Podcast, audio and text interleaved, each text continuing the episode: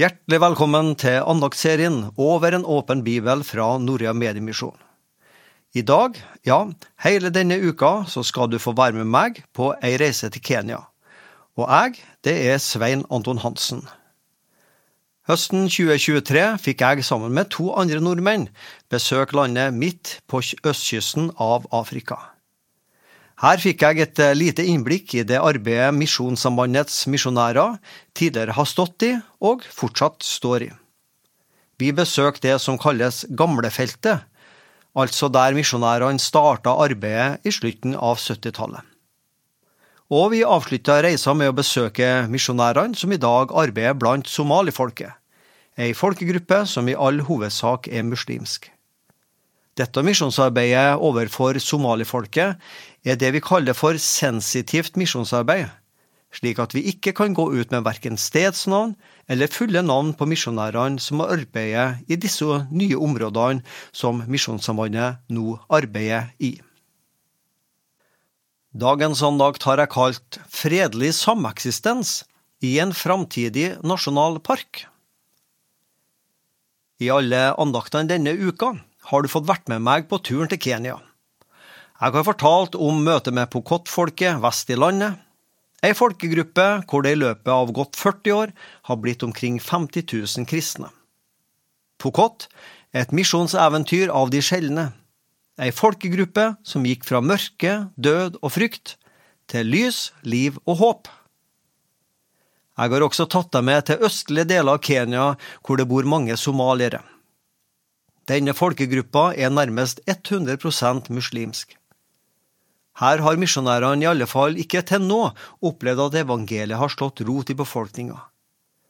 Men gjennom et langsiktig godhetsarbeid med vann, helse og skoleprosjekt tror vi at også somaliere skal få oppleve kraften og livet i den kristne tro. I denne siste andakten så skal du få være med meg en tur i Nairobi nasjonalpark.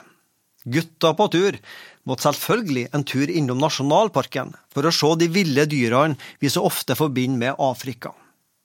Så her skal du få et utdrag fra dagboka jeg skrev under turen.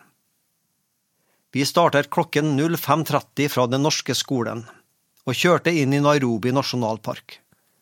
Her ventet oss noen spennende timer, hvor vi blant annet fikk se hund og hannløver, flodhester, sebra, neshorn, sjiraffer samt noen fugler.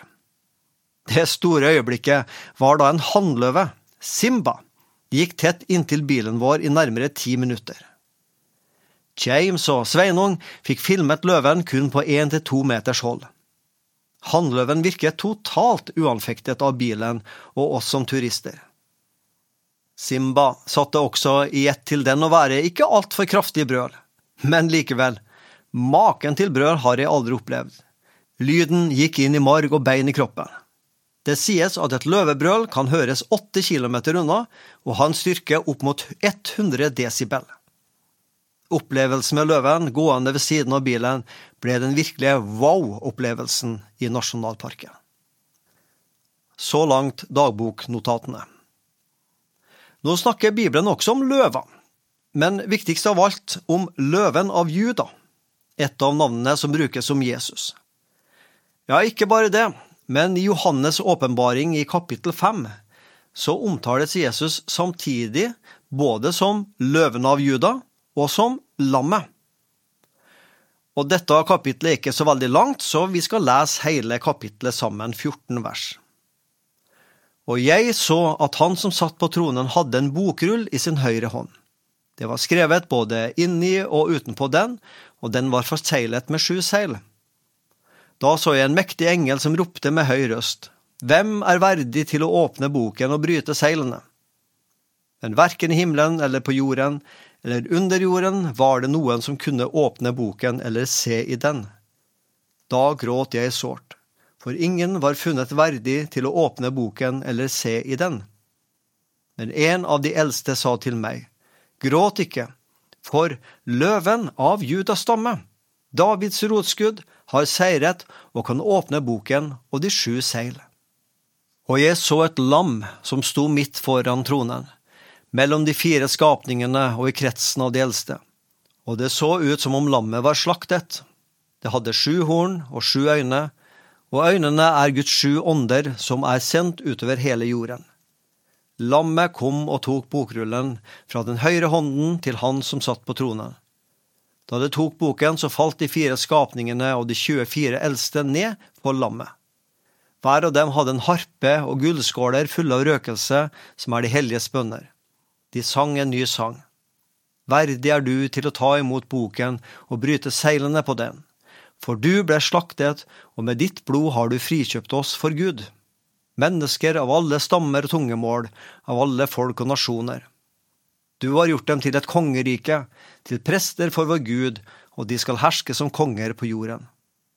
Og jeg så, og jeg hørte lyden av mange engler omkring tronen, og de fire skapningene og de eldste. Det var myriader på myriader og tusener på tusener, og de ropte med høy røst, Verdig er lammet som ble slaktet, verdig til å få all makt og rikdom og visdom og styrke, ære, pris og takk. Og hver skapning i himmelen og på jorden og under jorden og på havet, ja, alt som finnes i dem, hørte jeg si. Ham som sitter på tronen, han og lammet, være takk og ære og pris og makt i all evighet. De fire skapningene svarte amen, og de eldste kastet seg ned og tilba. I Bibelen kan vi lese, ja nærmest levende se for oss ulike bilder som skildrer den nye virkelighet som skapes når Jesu rike kommer for fullt.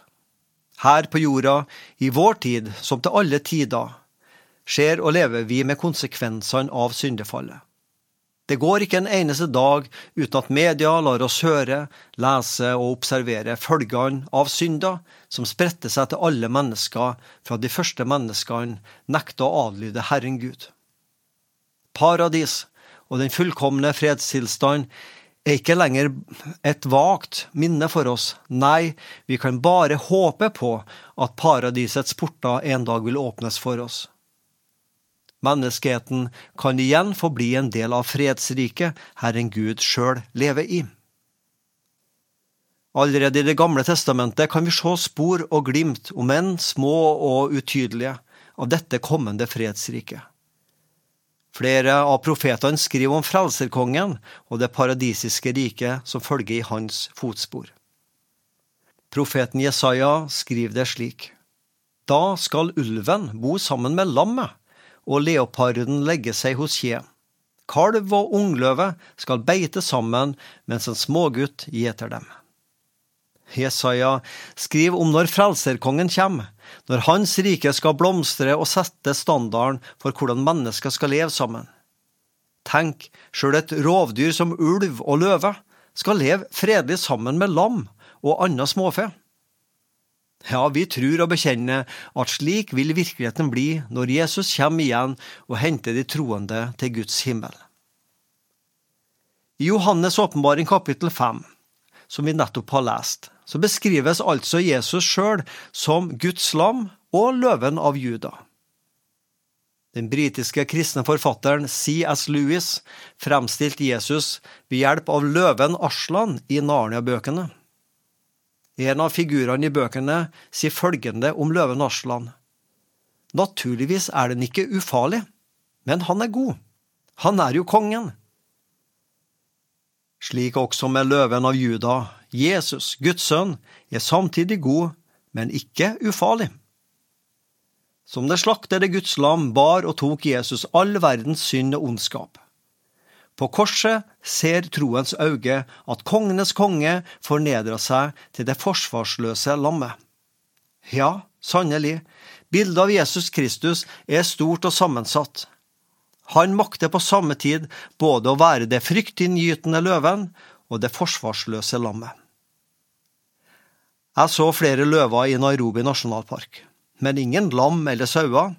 De hadde nok fort blitt spist av rovdyrene. Men en dag når Gud kommer med den nye himmel og den nye jord, så vil vi oppleve en fredelig sameksistens i et framtidig himmelsk nasjonalpark. Gjennom misjonærenes vedvarende og trofaste arbeid vil vi også finne pokotter og somaliere i himmelen. La oss takke og be. Gode Gud og Herre, du som er løven av Juda, du som er det slaktede Guds lam, Herre Jesus Kristus. Takk at også en dag vil det være nordmenn, pokotter og somaliere, ja, mennesker fra alle nasjoner og stammer som skal stå foran tronen og prise deg, du Guds sønn. Amen. Du har nettopp hørt en andakt i serien Over en åpen bibel, og mitt navn er Svein Anton Hansen, som var dagens andaktsholder. Denne serien produseres av Norea Medmisjon, og alle våre podkaster og andakter finner du på styrkdintro.no.